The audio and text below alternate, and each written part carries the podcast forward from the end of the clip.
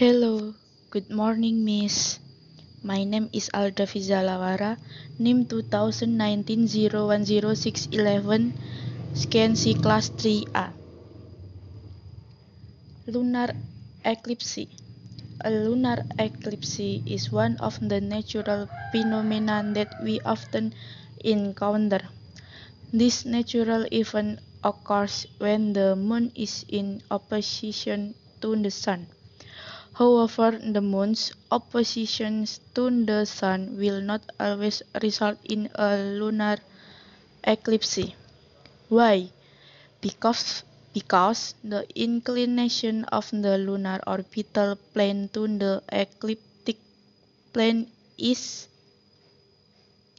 5 degrees. There will be times when the orbital plane of the moon intersects with the ecliptic plane which then cause the appearance of two points which are also known as nodes.